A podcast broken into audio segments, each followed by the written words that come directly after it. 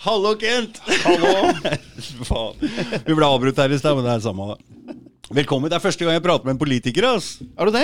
Ja, nei, det, det, det holder jeg med deg. Det, det, det, da syns jeg jeg har gjort et mange kloke valg her i livet. Fy faen, den saken din øh, Du vet, jeg bor jo nå i leiligheten hvor faren min og Altså, jeg bor i der jeg vokste opp. Og det faren min visste at du var her nå og prata om den saken. Han hadde elska det, altså. Boka di, 'Klima antiklimaks'. Klima antiklimaks. Jeg har eh, vært gjennom nesten hele. Er, jeg, jeg leser Jeg treig på lesing om dagen. Men, ja, det, er, det er 350 sider, så det tar litt tid å komme gjennom. mm, men det er en jævlig bra bok. Det er eh, Takk for det. veldig Altså, det er et Jeg syns det temaet er så jævlig viktig. Du gjør en Du gjør en jævlig viktig jobb, Kent. Jeg gjør en uh, viktig jobb, for jeg er omtrent den eneste som gjør den jobben. Dette er jo første boka som kommer ut om klimasaken, hvor de snakker om helheten. Men det er jo det er det som internasjonalt òg, eller? Så vi, altså, eh, nei, altså det er skrevet mye bøker om klima, det gjør jo Norge også. Men, men problemet er at de fleste bøkene er jo vinkla mot vitenskapen, og det er mye hva skal vi si, det er mye akademika, det er mye støvtørt, og det er mye tall og grafer og kurver. Og, og jeg eh, så jo på dette og studert mye dette, og kjenner jo klimarealistene godt. og sånt, Men så, altså, så, så tenkte jeg ålreit, nå har jeg skrevet mange artikler eh, gjennom mange år om klima. Jeg starta jo for ti år siden, og så skrev jeg skrev om klima i Dagbladet, var det vel.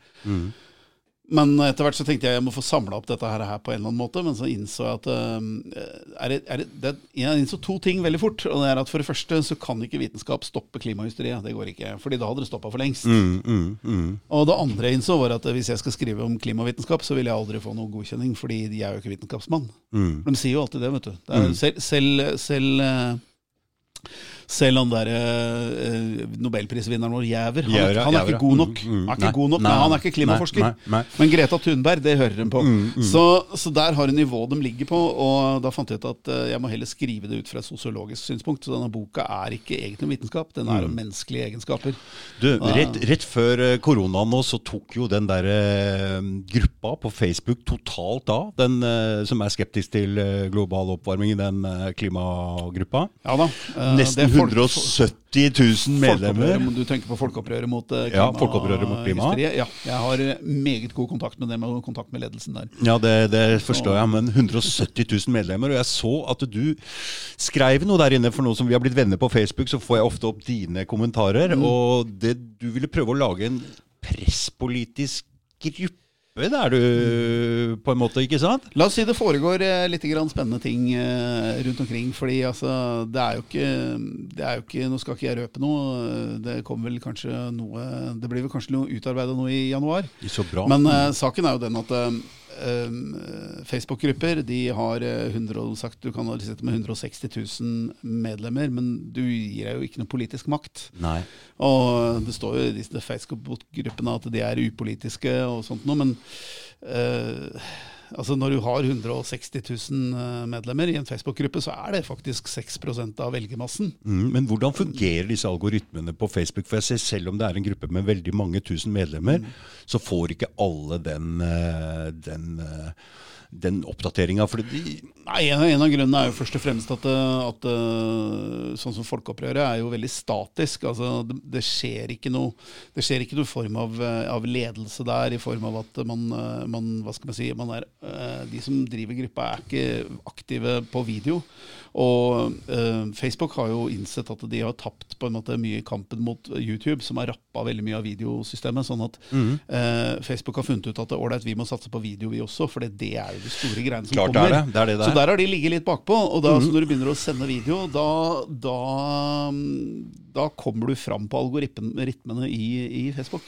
Og det var jo grunnen til at jeg kjøpte meg da en iPhone 11 og en liten mikrofon, og begynte å, å, å podkaste på video med du bruker bare telefon du òg, ikke sant? Jeg bruker eh, telefon og en liten byggmikrofon. Mm. Og det det kameraet som står på deg nå, det, jeg bytta ut alle de webkameraene, for det er bare dritt. Så kjøpte jeg, kjøpte jeg et videokamera, og det var også bare dritt. Den telefonen der er faen meg bedre enn alle sammen. Ja da, det, er, det fungerer. Altså, vi, vi har jo bygd, å kjøre livesendinger med to-tre kameraer oppe i, oppe i Document Studio, og det, eh, det er ekstremt teknisk krevende. Ja, det er det, det, er det. Mm. Og, og her har jo alle kameraprodusentene, ikke sant? de har jo ligget bakpå også. Mm, mm. Ja, for iPhone har jo skjønt det, ikke sant? og de har, der er det enkelt som fløte og, og videokaste direkte. Ja. Men å gjøre det fra et vanlig uh, speilreflekskamera, det er veldig vanskelig. Så, så, så jeg bare fant ut ålreit, iPhone 11, liten mikrofon, vi kjører. Men du, du sa du skulle ikke avsløre noen hemmeligheter, men jeg skjønner jo allerede hva den hemmeligheten er. At dere skal begynne å kjøre videoer på den gruppa også. Det blir nok uh, Altså, de, uh, vi har snakka litt grann med dem, og jeg skal, eh, jeg skal eh, hjelpe dem litt grann for å kanskje få litt mer eh, drift i sakene. Så Mm. Nei, veldig bra! Noe mer enn det skal jeg ikke røpe, men la oss si det sånn at uh, i januar så kommer nok, uh, kommer nok folkeopprøret til å, mot klimahysteriet til å bli mer markert.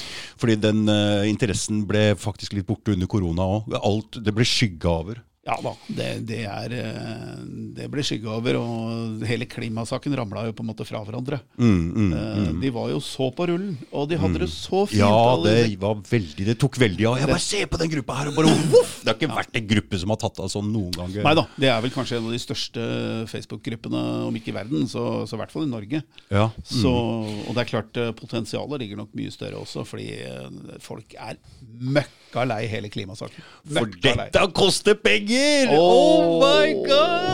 dette koster penger, Og folk veit ikke om det, for jeg leste det du skrev om vind, vindkraftgreiene. De folka reagerte ikke før de fikk det slengt i trynet. Da først reagerer de. Men, Ja, ja, ja. men de 40 milliardene de har tenkt å ruste opp dette systemet, eller ellinjen og sånn med, det er rett og slett pga. vindkraft og lage sende det til utlandet. Men det jeg ikke skjønner, er eh, hvorfor skal vi lage vindkraft for å eksportere det? Klarer ikke de andre å lage vindkraft sjøl, eller hva er greia? Det finnes, ingen mening over det. Altså, dette her er, dette er svindel.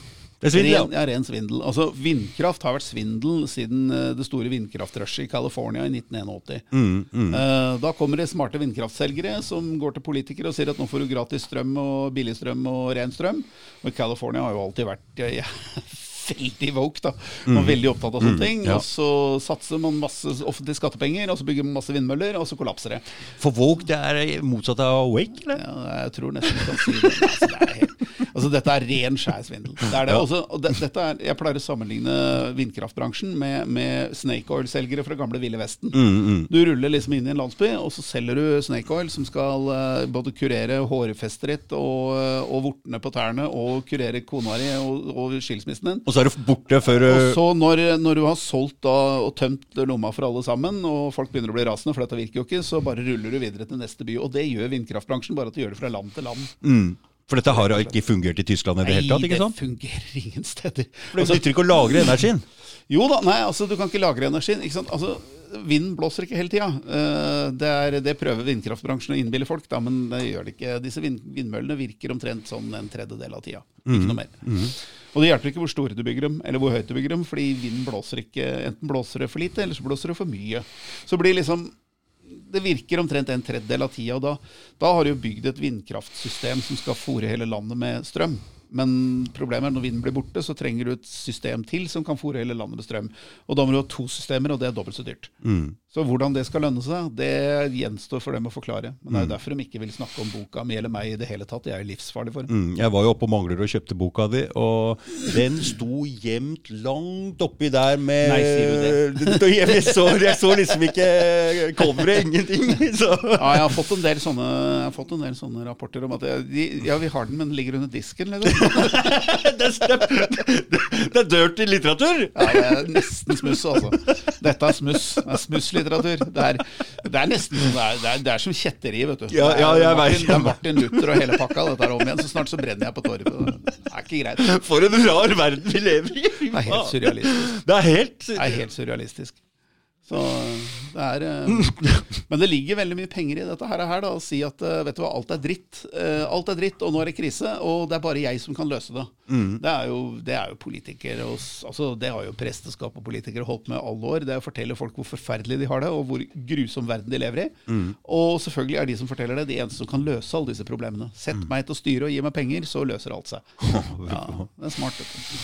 Og så får vi koronagreiene oppå hele tida. Ja, den, ingen, den tror jeg ingen så komme. Altså, det, går så, det går så mye sånne, eh, sånne ville rykter om koronaen og, og, um, og liksom um, konspirasjonsteorier det, det, ja, men det jeg full forståelse for. Ja, altså. det har jeg full forståelse for, fordi det, det skjer jo veldig mye rart. Det er jo veldig absurd det som skjer nå. Ja. Jeg syns i hvert fall det. Så det er ikke rart at folk begynner å lure på om hva faen er dette her? Altså, fordi Nei, altså, altså, Å legge ned hele samfunnet altså, altså det, det, det, Det koster! Kunne for så vidt vært en riktig ting å gjøre de første måneden.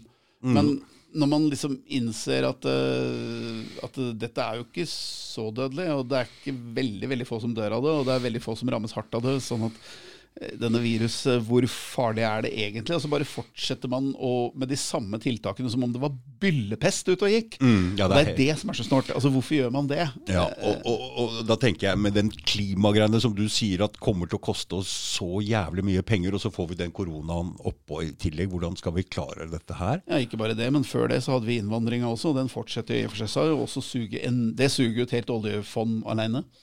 Eh, så her blir det oljefond på oljefond på oljefond. Eh, Og det Men du vet, der har du politikere. Dagens politikere. Det er liksom, hvis du skal, hvis du skal Nå skal de kutte i skolebudsjettet her. Ja, og det gjør de overalt. Ja, det gjør de overalt. Kutte, Kutt, kutt, kutt, kutt, kutt. Kutte sykehus, kutte skoler. ja. Men på klima endeløst med penger. Og, og, og, og, innvandring endeløst med penger. Aldri problemer. Kan vippe fram 100 milliarder uten problemer. Da trenger ikke budsjett engang. Hva er det som har skjedd med dem som sitter på Stortinget der? Er de helt er er, er altså, ser, men, men det er ikke bare dem, for det er en stor del av befolkninga også. Det er på en måte For TV og det greiene er en slags form for hjernevask, eller er, altså, Altså- Eller er det vi som er hjernevask? Hvem Jeg er pleier, det? jeg pleier å si at for å forstå, for å forstå, øh, forstå hva som skjer i samfunnet nå, Mm. så må man forstå hvordan øh, man blir politiker. Eh, Mm, det det- er det som er viktig. Og det- det, det, er et kapittel om i den Det, boka. det, det kapitlet leste jeg, så leste jeg det Ja. første store, lange kapitlet. Så Ja. hoppa jeg over det, for det har jeg sett en del på deg Ja. når du, hva du driver med med hydrogen, bla, bla, bla. Jeg så noe rart i Jeg så en liten artikkel som var i Aftenposten her om dagen, og da sto det at plutonium er ikke så farlig som vi skulle ha det til. Er det ikke det? Nei. Og Nei, Det det er, det er plutonium. Mm. Ja, nei, det er ikke så veldig radioaktivt, men det er veldig, veldig veldig giftig. Oh, ja, så det var ikke så veldig radioaktivt? Var det, Nei, det er ikke så veldig Mm. radioaktivt. Det er faktisk ikke det. Plutonium er ikke sånn superradioaktivt, men det er veldig, veldig veldig giftig. Mm. Og så er det veldig veldig forbudt å ha. Så hvis du eier plutonium, så kommer FBI eller CIA og tar deg og arresterer deg og setter deg inn i fengsel for 20 år. Ja. Det er ikke lov å eie plutonium. Det er, det er bare staten som får lov å eie. Det er ikke bra. Nei, men for du var- kan bygge bomber av det. Altså. Relativt potente bomber. Ja. Ikke kinaputter. Store bomber. Veldig store bomber. Ja. Selv om det er veldig, veldig vanskelig. Nei, det, for det, det, den artikkelen gikk på, rett og slett at vi kanskje skulle vurdere kjernekraft isteden. Ja, det er klart vi Altså, altså eh, eh, nei, Europa burde vurdere kjernekraft. Ikke Norge. Nei, Norge har nok av kraft. men Vi har Ja. vannkraft i bøttevis. og vi kan godt lage mye mer vannkraft. Det er ikke noe problem, det. Altså, den, folk må jo tenke liksom sånn ålreit, Hvis de husker Alta-aksjonen, så bygde du en innsjø, og så lagde de et sånn vannkraftverk i Alta. Det ble mye oppstør rundt det. Fordi, men vi kan vel kanskje enes om at en, en liten innsjø Kunstig innsjø er kanskje litt bedre enn å skjære toppen av alle fjelltoppene i hele kysten vår og bygge vindmøller. Mm, Det er kanskje bedre å, altså Trenger vi kraft, så hadde det kanskje vært bedre å demme opp en elv til. da. For det, det- fordi det ville, det ville i praksis å bygge et stort vannkraftverk ville, ville levert mer strøm enn alle de vindmøllene de planlegger. Hva er det en sånn, eh, sånn eh, vannkraftverk egentlig ødelegger, bortsett fra lakse, lakse, Ødelegger egentlig ingenting, for det finnes løsninger for alt sammen. Det, er, det blir bare veldig vått. laksetrapp? ikke sant? Ja, ja, ja, ikke sant? Så- Altså, ja da, det, det, man kan ta hensyn til alt det der, der og det finnes metoder for å få laksen til å gå oppover. Det, det ødelegger ikke noe annet enn at det legger en dal under vann. Og det er jo selvfølgelig litt synd, men mm, skal du ha vindmøller på toppen av hver fjelltopp, eller skal vi ha ett ekstra vannkraftverk? Jeg velger det siste. Klart men klart egentlig har jo norsk, Norge nok vannkraft. Vi har overskudd av kraft. Så mellom 0 og 20 terawatt blir, eh, har vi overskudd av kraft som vi kan eksportere. Og vi trenger ikke vindmøller, og vi trenger ikke flere vannkraftverk. Nei. Så hvorfor holder de på med dette? Det, Det er, for, det er for å eksportere og hjelpe Europa, ja, jo, som har, fordi- prøver å legge ned Men du, det, det, det, det mest ironiske og det rareste jeg hører, er at de skal elektrifisere sokkelen. Altså den eh, olje, oljesektoren. Altså, er, altså, det er jo olja de drar opp, som lager all den CO2 Hva, hva hjelper det å Hva er det flor? Er det for er det, Nei, men altså, nei, men altså, der, må du tilbake, der må du tilbake igjen til hvordan folk blir eh, politikere. Fordi folk tror jo det at de som sitter og styrer landet, det må jo være veldig kompetente mennesker. Men det er jo ikke det. Det er det. Du, du, det er jo bare Wermansen som tilfeldigvis har gått inn i et politisk parti, og tilfeldigvis har fått mange venner i partiet, og tilfeldigvis har fått noe verv, og tilfeldigvis da har de rette egenskapene og blir venner med de rette folka. Altså, du får større verv, og til slutt så kommer du, klatrer du i politikken, og så blir det noe. Men det betyr ikke dermed at du har peiling på hva du driver med. Nei, det er du, jo ikke noe jeg så, jo, jeg så jo hvem som var For ofte du må være ungdomspolitiker allerede. Og jeg har alltid tenkt sånn at hvem i all verden er det som gidder i ungdomstida å drive og være politiker? Altså Det er ikke de mest sosiale, det er ikke de kule folka. Det er, jeg tror nesten det er nerdene! Det er de rare folka! Ja, det er de rare folka. Du så skal blir- ikke si det stygt, for du er politiker, du Så også. Så blir det ofte sånne broilere. Da. Altså, politikken har jo blitt sånn. Altså, det er klart at eh, hvis, hvis, du er, eh, hvis du har vært, eh, levd eh, 60 år som uh, sveiser på et eller annet eh, eh, verksted, så regner jeg med at du er relativt fornuftig og, og, um, og folkelig i toppen. Mm. Uh, og da, hvis noen kommer til deg da og sier at eh, du, vi skal, nå skal verden elektrifiseres og vi skal bygge vindkraftverk på hver fjelltopp, så vil du antakeligvis si mm, Nei, det syns jeg ikke hørtes ut som en veldig god idé. Men sånne folk sitter ikke i stell og styr i Norge. Nei. Dessverre. Nei. Det er slutt på det. Ja. Det gjorde Gro Harlem Brundtland slutt på i 1981. Da var det akademikere for alle. Og de kan ikke bytte en lyspære sjøl engang. vet du. Nei. Men uh, det er som jeg, som jeg skriver i boka, det, det er um, du, du, du, kan ikke, du kan ikke fikse bremsene på en sykkel. Det kan du ikke. Nei. Men å bestemme fremtidens teknologi, det er du fullt kompetente. Mm. Og du vet, da skjønner du avstanden mellom liv og lære. Ikke sant? Da skjønner du hvor gærent det kan gå. For disse folka har aldri vært ute i vanlig Disse arbeidsliv? Folk, folka som har vedtatt vindkraften i Norge, kan ingenting om vindkraft. Nei. Åpenbart. De kan ingenting om strømproduksjon, de kan ingenting om realfag, ingenting om matematikk. Altså, Og, sånn ikke, og ikke vil de høre om det heller? Nei, de vil ikke høre. Vil ikke høre! Vil ikke høre. Vil ikke høre. Bla, bla, bla. Altså, fordi jeg, når jeg skrev boka her, så altså, Denne boka er jo bygd på hva skal vi si, Jeg står jo på skuldrene til kjemper som har jobba med vindkraft i mange år. Bl.a. en elektroingeniør som, eh, som er kreditert inni her, som han jobba med i Tyskland. Mm. Med vindmøller i over ti år. Eh, og han har jo vært elektroingeniør i mange mange år før det. Mm. Og så hadde han jobba i Tyskland, sa han dette er rene, skjære galskap. Det sa han med en gang, ikke sant? Han, han sa det med en gang. Han jobba der i ti år. Så sa jeg, men hvorfor jobba du så lenge med det? Så han tjente så jævla mye penger. vet du. Mm. Tjente så mye penger, klarte ikke å la være. Men øh, Jeg trakk meg ut etter hvert, men, men det var veldig veldig mye penger å tjene på det. Fordi i Tyskland det er bare bøtta ut penger på å bygge vindkraft. Mm. Og nå har jo, altså nå har de bygd 30 000, et sted mellom 30 000 og 40 000 vindmøller i Tyskland. Mm. Og i 2018 så kollapsa hele bransjen. 40 000 mennesker i vindkraftbransjen i Tyskland. Hele greia kollapsa. Finns, bygges ikke vindkraft lenger i Tyskland. Fordi det var, var subsidiestyrt, ikke sant? Ja, det er subsidiestyrt, og så går mye subsidien ut. Men nå er det ikke plass til flere vindmøller. i Tyskland. Er du må liksom bygge det på kysten. da. Det, mm. det er liksom mhm, Et av poengene er liksom bygge det i nærheten av havet, for der blåser det mye. Mm. Nå blåser det ikke noe mer på havet langs kysten. Det, er, det prøver jo nå Equinor å innbille folk at ute på havet der blåser det mye mer enn på kysten. Mm, mm. For det har du et Litt lite usikker på hvordan det fenomenet skal foregå, men, men For det blir enda dyrere, ikke sant? det blir ti ganger dyrere. Det blir ti ganger dyrere. Ja, fem-ti ganger dyrere. Ja, ja. Hvis vi skulle øh, Har du noen idé om Hvis vi skulle bare satsa på vindkraft, altså, hva, hva, hva ville strømregninga vært på egentlig da? Eh, For ja. det første så går det jo ikke. Nei, altså det går ikke. Nei. Eh, men men uh, hvis, du, hvis du tar vekk alle subsidiene, alle skattefordelene, sånn Mm, ja, at vindmøllene mm, liksom må, må. Og så må du kalkulere sånn at det skal gå overskudd. For Ja. dette går jo ikke overskudd. Eller vil si, alt går overskudd, bare blir dyrt nok. Ja, det er klart. Men uh, alle, alle eh, selv med uh, subsidier, så ligger jo strømprisen på vindkraftverk for rundt 2,50-3 kroner. Det er det som det, strømmen koster nå i Europa. Mm. Alle land i Europa, verden som har satsa på vindkraftverk, de har verdens høyeste strømpris. Mm. Enten det er Ontario, eller om det er, ha, om det er Australia, eller om det er Tyskland eller om det er, altså, Bygger du vindkraftverk, så blir det dyrt. Men de er jo subsidiert, og tar du vekk de subsidiene, så vil nok strømprisen klatre opp mot uh, i hvert fall 3-4 kroner. Mm. Uh, hvilket betyr altså Allerede nå så er jo strømprisen så dyrt at du har fått rett og slett uh, eh, energifattigdom i Europa. Altså, altså Har vi, har vi samme, har vi Arbeider, samme arbeiderklassefolk har ikke råd til å varme opp husene sine. Nei. Du, jeg, bare litt apropos. Jeg husker når vi var um, Når jeg var liten. Mm. Det var nesten så det var ikke vits i å skru av uh, lyset. For det, det var nesten dyrere å bytte strøm, for det da røyk pæra fortere. Så det var ikke vits i. Nei, altså, altså Det var det jeg fikk høre, men altså i, I Norge har vi alltid hatt billig altså, Vi har Vi har alltid hatt billig strøm. eh, og grunnen til velferdssamfunnet i Norge er jo basert Ja. på billig strøm.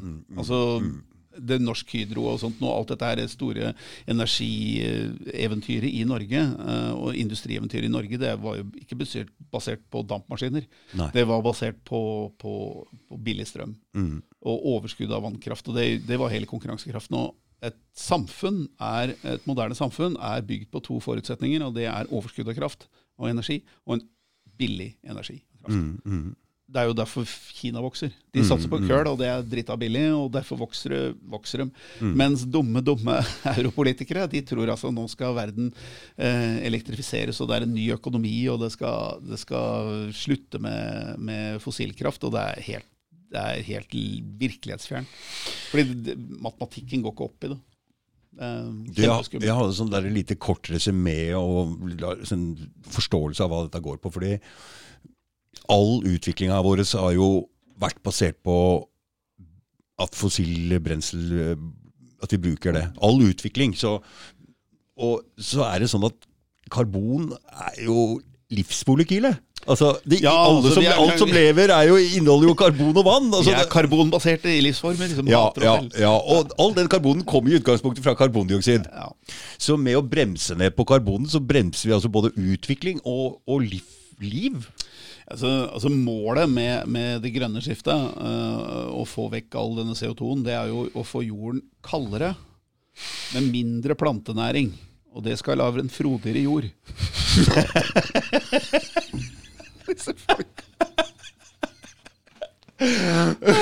Sprø- altså, det er jo ikke rart de ikke tør å snakke om denne boka, for den, den avslører at de er komplett idioter, hele gjengen. Men er det liksom kanskje sånn minus én minus én er Det er minus to.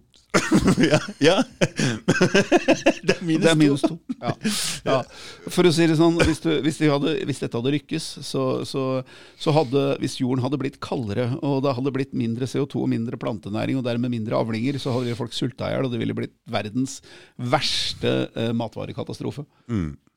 Heldigvis så er det ikke CO2 som styrer, eh, styrer klimaet, eh, så det er jo ikke noe man får gjort med det. Eh, kanskje det blir varmere om 30 år, kanskje det blir kaldere. Det er ingen som vet. Nei. Det går ikke an å forutse klimaet. Går ikke an å styre det heller.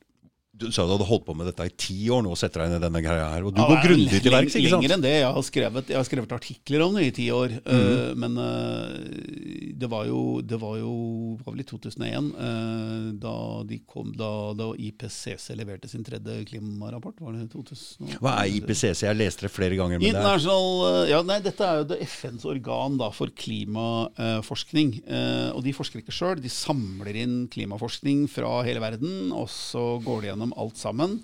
Eh, og det er forskere som da vurderer denne forskningen, setter sammen og finner ut hvilken vei det går. Og så, og så, og så samler man inn forskning om fortidens klima, nåtidens klima, og så lager man da projeksjoner om fremtidens klima. Og så, når forskerne har gjort sitt, så kommer det noen politikere og så skriver det såkalt 'Summary for Politicians'. Og, den, og den oppsummeringa av en sånn bunke med vitenskap, det blir sånn liten tynn fille, hvor det står at eh, jorden er truet, og nå går, vi, nå går verden under, og havet stiger, og nå er det rett før vi dør, alle sammen. Det, sånn har det vært, liksom.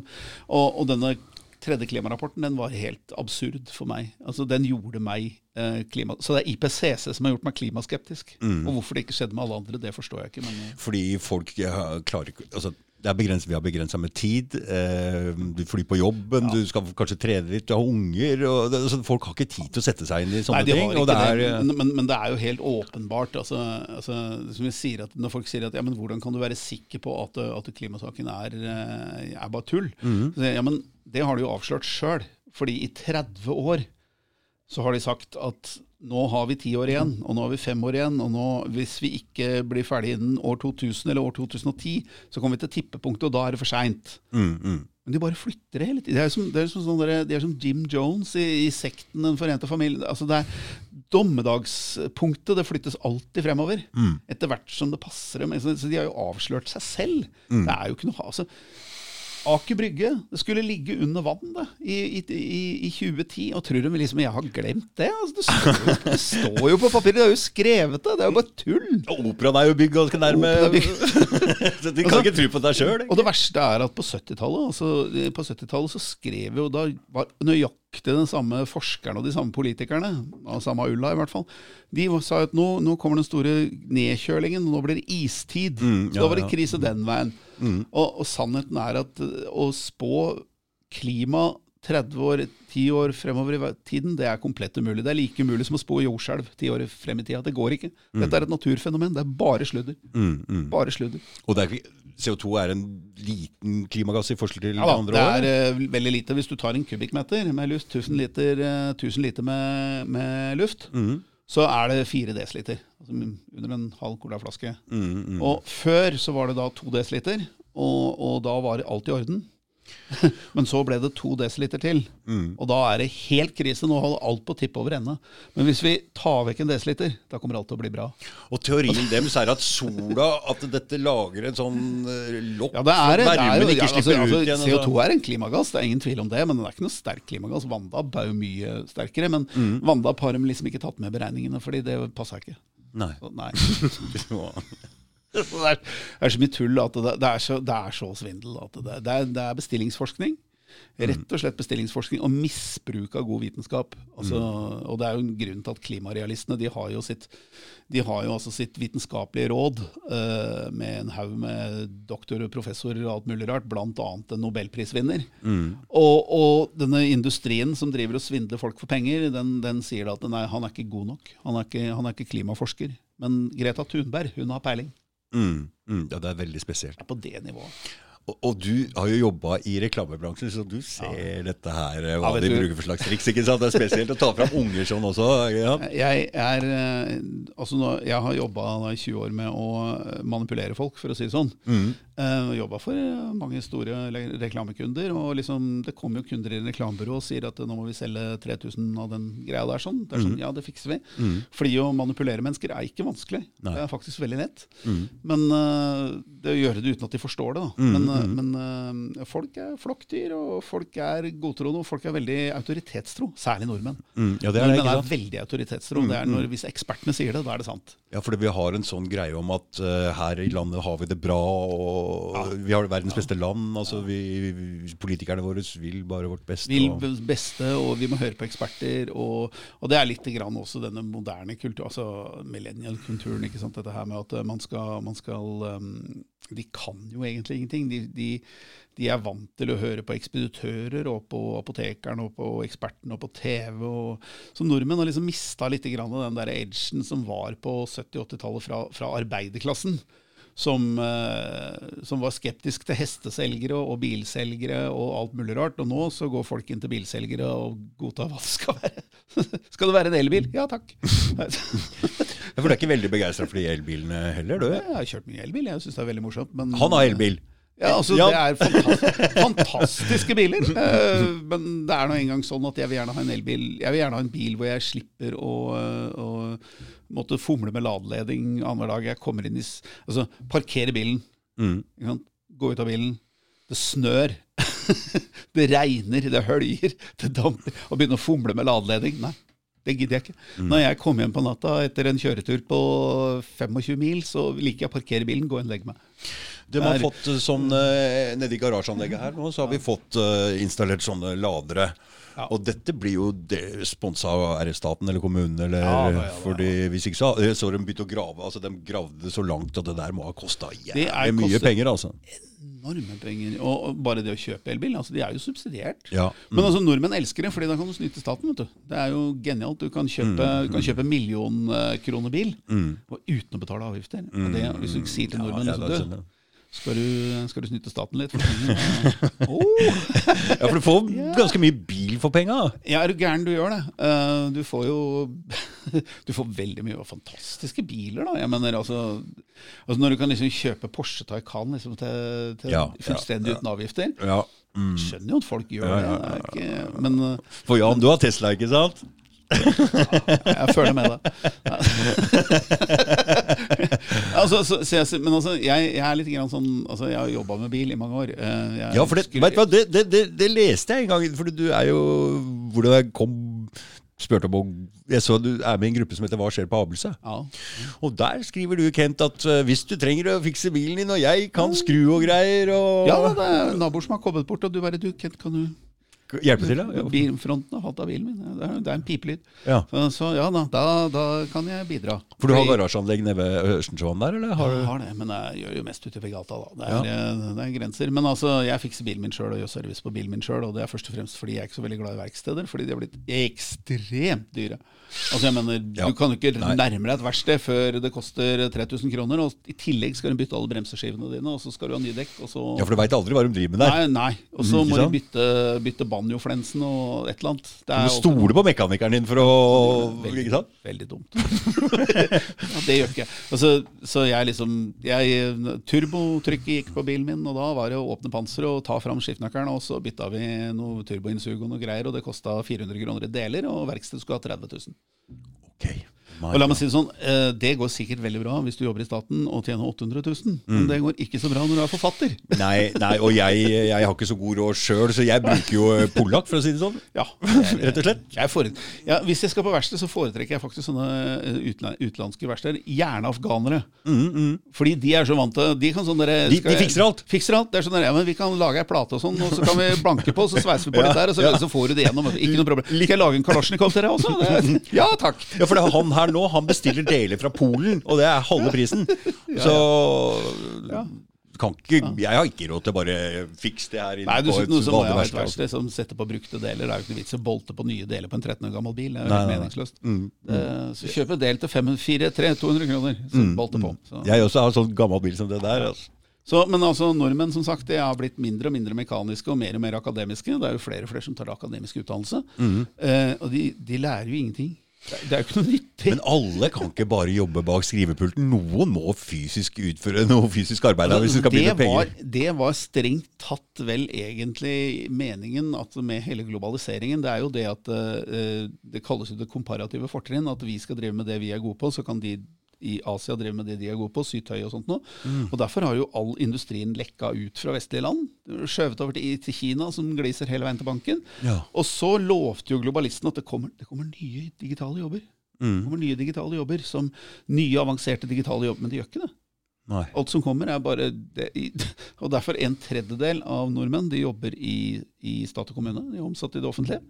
En tredjedel er ansatt i eh, det private, og en tredjedel jobber ikke. Jobber ikke? De jobber ikke. Oh my god, det går ikke. Og det finnes ikke noe annet land i hele verden som har råd til det. Altså, Vi er jo blitt Saudi-Norge. Det er jo, Vi oser over av oljepenger, så man kan fortsette med dette selvbedraget, men det funker jo ikke. Og det var, det, det var derfor Trump vant. Altså det er jo det, altså, Eliten i Norge klarer ikke å forstå hvorfor vant Trump. Men altså, de er jo ikke kobla til arbeiderklassen i Norge i det hele tatt. Nei. Og eldre arbeiderklassen i USA. Og hva med den delen som ikke jobber i det hele tatt? Det, blir det klasseskille her nå? For det, Ja, det blir for, jo det, for det altså. blir dyrere og dyrere. Altså, vi ser det allerede nå under korona, så gikk matvareprisene opp en del. i forskjell til Mye. Ikke mye. Mye fordi, fordi de stengte svenskegrensa, vet du. Ja. Ja Og og, da da kunne du skru opp litt! Da er det bare Oi sann, begynner folk å kjøpe kjøtt i Norge igjen.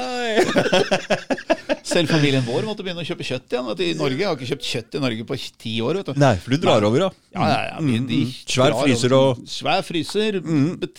Og den, eh, den kosta 2000-3000 kroner, og den betaler seg for hver eneste Sverigetur. ja. Ja, gjør det. Og det er uten røyk. Ja, ja, ja. Uten røyk og uten sprit. Mm. Drikker og røyker nesten aldri. Ikke det, vet du. Jeg blir så gæren i fylla. Så, så ferdig med det. Jeg Vært musiker i for mange år. så det, så det, det er eh, Men så ble det jo slutt på det, da. Og da, mm, da Nå må jeg tilbake til å kjøpe bacon for eh, hvor 80 gram bacon koster 50 kroner. Og det er ikke noe bra bacon. Det er ikke noe bra bacon engang. Nei, altså, nei. nei. Norsk, norsk kjøtt er dårlig greie. Ja. Det er bedre, du får bedre kvalitet i Sverige, syns jeg. Så, så det være skynd på de på Vestlandet, for det blir litt langt å kjøre til Sverige. Men du, den eh, gruppa, den derre Hva var det het? Den derre folkeaksjonen mot nei, Folke, folkeopprøret mot. Mm. Og bompengegruppa. Og alle, de har jo et felles mål. Og vindkraftgruppa. Alle disse har egentlig en felles uh, Ja og nei. Og ja og nei. Ja og nei. Mm. Uh, fordi uh, altså, Nå finnes det jo en organisasjon som heter Motvind. Ja. Ok, Motvind.no. Mm. Som kjemper mot vind, vind, vindmøller. Mm, mm. Og så har du Folkeaksjonen mot klimahysteriet, som kjemper mot vindmøller og mot klimasaken. Men problemet er at Motvind, som var en veldig viktig og god organisasjon, som Mhm. dessverre ble revet i filler av indre stridigheter, og det er ikke uvanlig for sånne politiske grupper, Mhm. um, de vil gjerne de kjemper mot vindkraft, men de vil gjerne ha klimapolitikk. Mm. Og det er sånn Ja, eh, du er for røyk, men mot røyking. det, Ja. det, det går ikke. Det, det, det går ikke. Og de blir så sure på meg. Hver gang du prøver å poste noe mot klima der, så blir det fullt opprør. Um, og, og de har rett og slett De tar ikke inn over seg hvorfor de vindmøllene kommer. Nei. De vil bare ha stopp på rasering av Ja, de vil ha stopp av rasering av Norge. For de er, de, de er egentlig miljø... de er veldig, veldig prega av miljøvernorganisasjonene. ja. Mm. Og miljøvernorganisasjonene ble jo kuppa av vindkraftorganisasjonene. Altså Mm. Vindkraftsvinderne de gikk jo inn i miljøvernorganisasjonene, og det var sikkert, der var det sikkert mye møter og greier. Mm. Og um, i utgangspunktet så ble jo alle, alle miljøorganisasjoner klimahysteriske. ja. Mm. Ja. Mm. Unntatt da Oddekalv sin eh, Norges Miljøvernforbund, er det vel. Ja. Eh, han, eh, han har jo vært mot vindmøller i 15 år, og, og han er helt nådeløs. Han sier nei, nei, nei. Det der, er den driten der skal vi ikke ha. Så, har så det er den eneste organisasjonen Oddekalv er den eneste sin organisasjon er eneste som har vært mot vindkraft hele tida. Mm. Men som sagt, denne klimasaken den sniker seg som gift inn i alle greier. Og så For det, det har egentlig ikke noe med miljø å gjøre. Ingenting. Ingenting. Ingenting med miljø å gjøre. Bare bortkasta. Fullstendig bortkasta. Mm. Det, er, det er helt meningsløst. Altså Uansett hva vi gjør og hvor mye penger vi bruker, så vil det ikke gjøre minste forskjell for miljøet i det hele tatt. Nei. Men det skaper jo en slags bevissthet da, eh, hvor absolutt alt handler om miljø. Mm. Alt handler om miljø. Og du vet, når, når folk skammer seg, og folk er redde, og folk er eh, engstelige, og sånt så er det veldig lett å styre. Mm. Sånn som f.eks. at eh, nordmenn har blitt plutselig veldig bevisste på at de skal de må spare på strømmen. Spare på strømmen, og så må vi, vi, må, vi må drive med strømspar. Hvorfor det? Hvorfor må vi drive med strøm? Det er helt meningsløst. Vi har overskudd av strøm, har så mye strøm at vi drukner i det. Hvorfor skal vi spare på strøm? Trenger ikke spare på strøm, vi. Nei, bortsett fra at det begynner å bli dyrt, da. Ja, det er jo vindkrafta sin skyld, da. Altså, Ja, altså, ja. Før hadde du ikke Før hadde du jo ikke nettleie på, på strømregninga di. Nei, nå er den delt opp i to igjen. Ja, det, sånn, sånn Før så betalte du for strømmen, og det var det, liksom. Og det var jo billig. Det kosta 30 øre for kilowatten. Og nå sier man at strøm blitt veldig billig, da. Men du vet, nettleie jo, der betaler du mer for enn du betaler for strømmen. Mm, mm, mm. Og nettleie det er, en, det er jo sånn et nyord ikke sant, som man har funnet opp så ingen skal forstå hva det egentlig er du betaler for. Mm. Så, og det er jo å betale for vindkraft. Og så bygge vindmøller. Når kom den nettleia inn i bildet? Men det er ikke så lenge siden, skjønner du. Det er Jeg vil tippe at uh, hvis du ser på strømregningen ti år tilbake, så finnes den ikke der. Nei. Nei. Er det i det øyeblikket de satsa, skulle satse de 40 milliardene på å bygge ut eh, Ikke nettet? 140 milliarder 140 140 140 140 milliarder kroner. Altså Plutselig kom NVE ut, og, så, altså, og alle disse organisasjonene kom ut og sa at nei, nå skal vi oppgradere det norske strømnettet. Mm. Og da, da, da ble jeg veldig skeptisk, fordi jeg tenkte ja, men hva i all verden er gærent med den elektriske strømnettet? Lampa lyser jo hele tida. Mm. Det er jo aldri strømbrudd i Norge. Nei. Så hva er det som er gærent? Mm.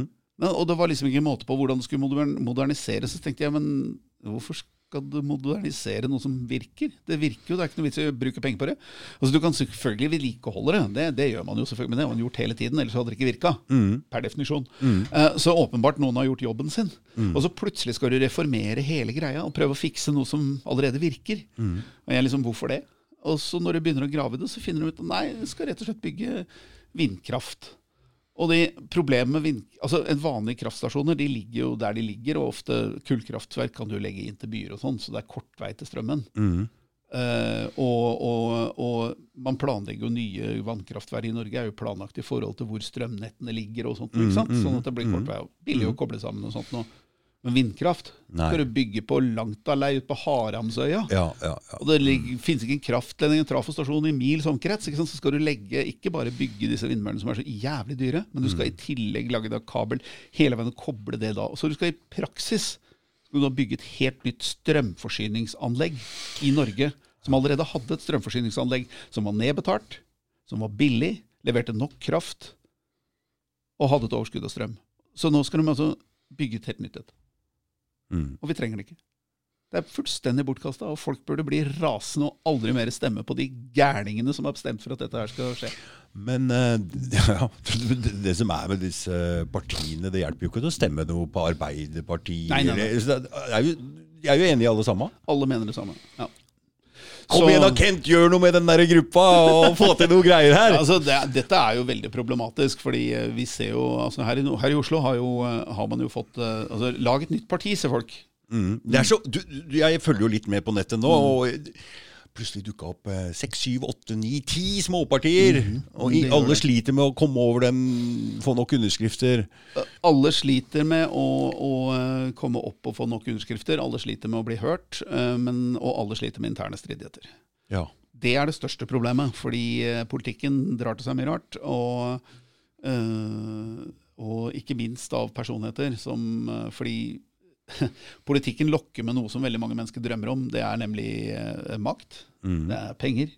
Eh, det er noe, har noe å si, og et formål i livet. Status òg. Og status. Og så i tillegg da så, så, så får du jo Så får du kjendisstatus hvis du er heldig. Mm. Og alle de tingene der sånn, det er jo veldig mye å gå etter. Og det er folk, når, når, når sånne ting begynner å bli stort, så trekker det til seg folk som er kynikere og ikke nødvendigvis har uh, saka i sin sak, og så begynner det å bli indre stridigheter, og så blir det masse greier.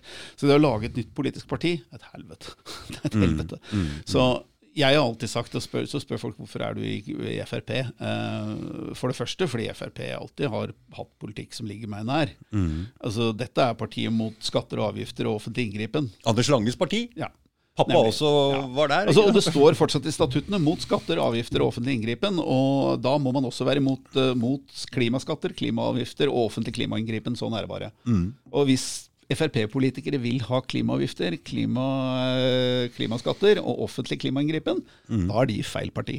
Da må de ta, da må de ta og titte på statuttene til Frp, fordi da er du på, feil, da er du på ville veier. Eh, og, men så er det selvfølgelig man må gjøre noen kompromisser, og sånt, det, det forstår man jo. Eh, Det er jo sånn parlamentarismen nå engang fungerer. Uh, og jeg mener fast og bestemt at det er mye lettere å få Frp hva skal vi si, opp på Anders Lange-sporet og, og Carl I. Hagen-sporet, hvor man faktisk er for folket, eh, for folk flest, og, og skal bli kvitt dette klimatøvet, enn å lage et helt nytt parti fra bånn av. Fordi det, da vet ikke folk hva de spør om. Men altså, da, da man har vært i politikken mange år, så skjønner man hvor vanskelig det faktisk er. Jeg ser at Carl I. Hagen er litt på vei inn igjen i Fremskrittspartiet. Ja da, Carl I. Hagen han, har jo, eh, han har jo blitt eh, nominert nå i Oppland, er det vel, eh, hvor han står vel på relativt sikker plass. Så, eh, Er det en bra mann? Carl I. Hagen er en Kjenner du den? ja, ja, ja, jeg snakker mye med Carl. Han er en kjempefin fyr. Han er en nestor, og det er litt sånn Jeg husker første gangen jeg traff Carl I. Hagen, så var det sånn der hvor jeg liksom Nå skulle jeg imponere litt. Mm. Vi satt over bordet og drakk litt og spiste middag med han og Eli. Det var litt sånn ho. Mm. Selv om jeg har jobba mye med kjendiser i mitt liv i reklamebransjen, så var det litt sånn oh. Og så var det sånn, og sånn, og så sier jeg hva om vi gjør sånn og sånn og sånn. Og så sier Karl Jagen nei, vi må gjøre sånn og sånn og sånn. Og så sier jeg hæ, ja, men det, jo, jo, du skjønner. Fordi hvis du gjør sånn, da skjer det, og da skjer det, og da skjer det. Og, men da skjer det, og så skjer det. Å ja! Å. Så det var litt som, det var litt som å spare mot Kasparov, liksom. Så da sa jeg til Carl I. Hagen vet du burde vært politiker eller noe sånt. så, han, så, han, så jeg tror ikke Eli er så glad, glad for at han skal inn i politikken igjen, da. Men du vet, det er, han For det blir mye jævla mye uønska oppmerksomhet. Han er en sirkushest. Det er, og politikere er gjerne det. De er sirkushester. Og når de lukter manesje, da skal det galopperes. Sånn er det. Så det er vanskelig å slutte. Og det, det er synd for Chang sjøl. Altså, jeg vet ikke hvor mange ganger jeg har sittet i politikken og bare tenkt hvorfor gidder jeg dette? Når du sitter på kveldsmøte på, etter to og en halv timer og hører om fartshumpen i småveien. Det er sånn, Å gud, hvorfor gjør jeg dette? Du vet, 80-95% av alle politikere i Norge er ubetalt. Det er ubetalt, ja. Det er ubetalt. Ja. Det er folk som rett og slett gjør det samme som fotballtreneren. Han gjør, driver politikk på fritid fordi det er bra for nærmiljøet. Og det er ikke lett å få til noe. Nei, det Du skal sitte i ganske mange timer i møter før altså, du kommer hjem og jubler Men altså- hjem til kjerringa altså, noen må styre fartshumpen i småveien. ikke sant? Og, og, og sånn som her på Abelsø? Så, er det sånn, så er det mye fartshumper. Og det er mye sånn småting som skal Det er jo ikke de store tingene, men det er liksom Skal man bygge et nytt gelender i, på der, og skal man strø mer der? Og så, Jeg er mot fartshumper, jeg, Kent. Ja. Altså farts, farts, Fartshumper er, er fint når, du, når, du, når du har en rett ved siden av du har unger. Ja, det- Men det er eh, klart. nå ser jeg at de har begynt å bygge fartshumper på hovedveier, og sånt, hvor brannbiler og sykebiler og politibiler kjører, og det er jo helt absurd. Og nå skal de bygge sykkelsti ute i Enebakkeveien her. Så må det, for å si det sånn, når de bygger sykkelsti til mange millioner forbi en skole hvor de må kutte i skolebudsjettet, de politikerne må få sparken. Mm. Da må de politikerne få sparken. fordi nå er det selvfølgelig et 4 syklister som syns det er glimrende, men da syns jeg kanskje syklistene bør begynne å tenke litt grann på andre. Det Mm. er flere til stede i samfunnet. Men du veit hvordan det fortauet var før det bortover Enebakkveien her? Nei. Det var delt i to. Det var det, ja. Det var delt i to. Ytterste delen var sykkelfelt, og indre var sånn. Hvorfor kunne det ikke bare vært sånn? Ja, kunne det ikke bare vært sånn. Uh, Eh, og så snurper de inn, ta bort busslommene og kjører Nei, Ja, Det var. Venstre som, eh, som, eh, som gjorde det. Det Melby Venstre som, eh, som tok opp busslommene, for da ble det mye sikrere. Og dermed begynte alle bilene å kjøre forbi.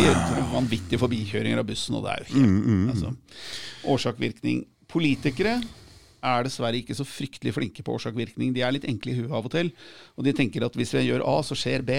Men det er ikke sånn ting fungerer, for det blir ringvirkninger. Det er de alltid, hvis du prøver å gjøre noe forbudt, så, så, så, så spretter det på en måte Eller vanskelig, så spretter det ut andre veier, eller? Altså, Uansett hva du gjør, så får du uante konsekvenser. Det er Enten du skiller deg fra kona, eller du bestemmer deg for å spise dårlig burrito. eller, eh, altså, Alt har konsekvenser. Og, og politikere er i veldig liten grad flinke til å beregne konsekvenser. Sånn som f.eks. svenske politikere som fant ut at eh, Nei, nå må vi åpne våre hjerter, og så skal vi slippe inn 200 000 mennesker fra møkkaland som knapt nok har eh, penge, nåla i veggen, og er på jakt etter, eh, etter eh, Penger. penger, og, penger og blondiner. Mm. Og så tenker man at når de kommer inn her, så blir det som oss. Mm. Gjør ikke det? Nei. Altså ringvirkninger. Ringvirkninger er det som er skummelt i politikken. Og hvis du ikke har erfaring Det er dette som er så skummelt med unge politikere. De, kan ikke, de har ikke noe historie. De, de kjenner ikke de feilene som er gjort åtte ganger før. Og de insisterer på å gjøre de samme feilene om igjen. Og det er det som er så skummelt. Og det ser vi i Oslo-politikken nå. Oslo har en kjempespike av mennesker mellom 25 og 35. Og de kommer fra utabys fra, kjenner ikke Oslo, kan ikke Oslo, er ikke interessert i Oslo. Det er innflyttere. Og så kommer de, og så skal de forandre hele byen. Og, så skal, og, og så stemmer de MDG og SV og Rødt. Så de har 30% oppslutning, de tre partiene har 30% oppslutning i Oslo. Og når Oslo blir bare dritt, og de får barn, da flytter de tilbake til hjembygda. Du, Så, så det, som skjer, det er derfor MDG er så stort her i Oslo. det som skjer nede i Oslo nå, det er, jeg veit ikke om det er koronakrise, men det er jo ikke folk nedi der. Altså Butikkene går jo konkurs, og det er jo umulig å det er ikke lov. Jeg prøvde, jeg skulle jo møte noen nede ved Nationaltheatret, skulle kjøre motorsykkel dit. Og på veien hjem så måtte jeg bare Jeg kjørte gjennom Jeg måtte kjøre forbi fem ulovlige skilt for å komme meg hjem igjen! For jeg fant ikke altså Det er så vanskelig å kjøre i Oslo nå, det er helt umulig! Det er helt umulig. Det er helt umulig! Du må kjøre mil etter mil etter mil, og da øker trafikken, og, og ø, kø, køene øker jo, det blir mindre folk. Og det er ikke så veldig rart. Altså fordi eh, jeg gjorde en beregning. Jeg skrev en artikkel eh, som heter liksom, 'Byliv uten folk og biler'. Ja vel. Um, og der gjorde jeg en beregning. altså Hvis du tar vekk 300 parkeringsplasser eh, i Kvadraturen altså hvor mange mennesker mister du? Fordi altså, MDG tror jo det at disse bilene parkerer seg sjæl. De, er ikke- de er ikke så flinke, disse folka. De er ikke så, det er mye sykkel i hodet på dem. Og biler parkerer ikke seg selv. De parkeres der, og så går det folk ut av bilen på fortauet. eh, og da står bilen der i maks to timer, og så kommer folk tilbake til bilen sin og kjører. Og i mellomtiden går jo folk på fortauet. Og disse bilene bringer folk til fortauet ikke bare på solskinnsdager i juli, da MDG-politikk kanskje fungerer, Ja. men faktisk i desember, når det blåser og det snør. Og mennesker som går i disse bilene, de går gjennom kiosken og kjøper en pølse, de går og kjøper en kjole, de går dit, og så går de tilbake til bilen. Det er byliv. Det er byliv. Men uten de bilene så, så, så kommer ikke de menneskene. Nei. Og gatene kan du ikke ta vekk. Fordi brannbilene må fram, lastebilene må fram, sykebilene skal fram. Altså, så gatene må ligge der uansett. Så det blir bare waste of space. Så det blir tomt. Ja, varelevering må vel også fram, men det trengs vel kanskje ikke lenger? Nei, det, ikke når næringslivet forsvinner. Og det, det er, vi, snakker om, vi snakker om massivt mange, mange mange hundre tusen mennesker i løpet av året som går på fortauet fra disse parkerte bilene. Så ja. Uh, å fjerne bilene, det, lykke til med det. Ja. Så Oslo, Oslo dør, og, og spes, altså, den koronagreia oppå det hele eh, gjør at uh, Jeg vet ikke hva som skjer med næringseiendommer, og, men de kommer til å gå konkurs nedi der. Altså, det er ikke folk nede i byen der lenger. Det er uh, veldig tøffe tak, og det er klart korona har noe å si, men, men uh, hvis man sammenligner uh, omsetningstallene i Oslo sentrum med noen av kjøpesentrene rundt Oslo sentrum, så ser man at dette er ikke korona. Det er ikke riktig. Nei. Det er noe annet som gjør at næringslivet i Oslo sliter. I Mm. Oslo sentrum. Og jo mindre butikker og jo mindre ting som foregår der nede, jo mindre folk. Og det er, bare en, det er jo en Altså Problemet er at folk skal danse i gatene, men hvor mange, hvor mange mennesker er det til å danse i så mange gater? Det er jo det. Altså, det dette er veldig fint for folk som bor på Grünerløkka og folk som bor i sentrum. det bor ikke veldig masse mennesker i sentrum. Mm, Ingen. Og de klarer ikke å fylle opp hele sentrum. Nei. Når du har tømt liksom nok gater for, eh, for biler, og de skal danse i de gatene, hvem skal fylle de andre gatene? Mm. Det var jo de som ble fylt av folk fra hele Oslo. Og vi, ja, vi har en svær familie, mange barn. Uh, vi pleide å kjøre ned til Oslo Mm. og parkere bilen, og så løp vi rundt i, i Spikersuppa og vi spiste is og Ja, is og is og is. Og sånn. Men det gjør vi ikke lenger. Nei. Nei. Og så sier vi jeg kan ta bussen. Nei, vi kan ikke det. Fordi vi har småbarn. Og når småbarn får nok, så skal de hjem. Og de skal hjem fort. Og da kan du ikke stå i 20 minutter og vente på bussen, og så kjøre buss hjem. Det går ikke. Det er rett og slett, altså, De som bestemmer dette, de har ikke familie. De forstår ikke familieliv. De forstår ikke dynamikken i storfamilier. Og de, de lever en drømmeverden, rett og slett. Så vi har satt inkompetente mennesker til å styre en by. Det er veldig trist. Du, det der med Agenda 21 og det der greiene der, og den Det, det er vel altså Folk skylder på MDG og sånne ting, men, men dette blir vel styrt av også en slags øh, internasjonal ag- greie hvor de skal ned Hane, hane CO2-greiene og bli miljøvennlige, ikke sant? Det er ikke Styrt av en altså, Det er veldig, veldig Vi driver og graver i en sak nå som heter The, The Great Reset. Ja, den, det har jeg fått Ja. med meg. Og dette er heller ikke noe konspirasjon, for dette her ligger tidlig. Men det er, men det er, men, men, men det er, det er mye å sette Dette er en konspirasjon. Det er det det er. Eh, Men det ligger jo åpent hva de egentlig vil. Ja. Det er en konspirasjon. Så på den måten er det ikke noe Det er en konspirasjon. konspirasjon, og de er stolte av det. Ja. Ja, Mm. det er sånn det er. Dette er en konspirasjon. Det er det. Mot vestlige verden. Det er det ingen tvil om. Og jeg driver og graver i det nå eh, som journalist sammen med to andre journalister for å prøve å finne ut hva er dette er for noe. Mm. Og kort og godt, The Great Reset det er da World Economic Forum, som blir drevet av en, eh, av en mann som heter Klaus Schwabe. Mm. Eh, og hvert år så arrangerer da World Economic Forum en, svært, eh, en svær eh, konferanse i Davos. eh, hvor, 2000, Trump, Trump var der og, og, og prata mot dem, ikke sant? hvor 2000 mennesker dukker opp. blir invitert og dukker opp. Og så, og så snakker man da om, om dette og hint. Bare si litt eksempel. Hvem kommer fra Norge f.eks. dit? Er det næringslivsledere? Næringslivsledere, Politikere? politikere Ja. til og med, til og med, til og med Ja, altså, altså, altså fiffen i Norge, for å si det sånn, Ja. kommer dit. For det er litt sånn se og bli sett og greier. Mm, mm, Problemet med World Economic Forum mm. er at det er ikke noe offentlig Det er privat. Det er et privat stiftelse. Mm. Det er ikke noe offentlig forum i det hele tatt. Det er en privat stiftelse dannet av én mann, Claire Schwabe. Mm. Og han, eh, av en eller annen merkelig grunn, så kommer da mennesker eh, til hans arrangementer og bestemmer verdens fremtid. Dette er jo det Bilderberger-greiene ble be- Eh, beskyldt for før. Bilderberger er ikke helt det samme, eh, for det er, en, det er en mindre sak. Men det er det mye av de samme menneskene som møtes og går på fylla og ligger med hverandre, antakeligvis. Hvem veit? Eh, Kjendiser er kjendiser. Jeg har møtt mange av dem. og, og det er klart at um, eh, de, det er sikkert deilig å ha en eh, møtested hvor man kan prate uformelt og danse med hverandre og gå og drikke på fylla og plukke på hverandre, og gud veit hva som foregår der. Men eh, de sier at de diskuterer ting. Eh, problemet er at eh, det er jo ikke noe innsyn i det. Nei. Det er også privat. Det er ikke noe og, og World, Det som foregår på World Economic Forum, er i praksis en konspirasjon. Fordi der møtes hele eliten. Man prater, og dette er ikke innenfor rammen av innsyn fra demokrati i offentlig arrangement. Dette er et privat arrangement, og det er det som er Har politikere i det hele tatt lov å engasjere seg i sånt? Ja, Ja.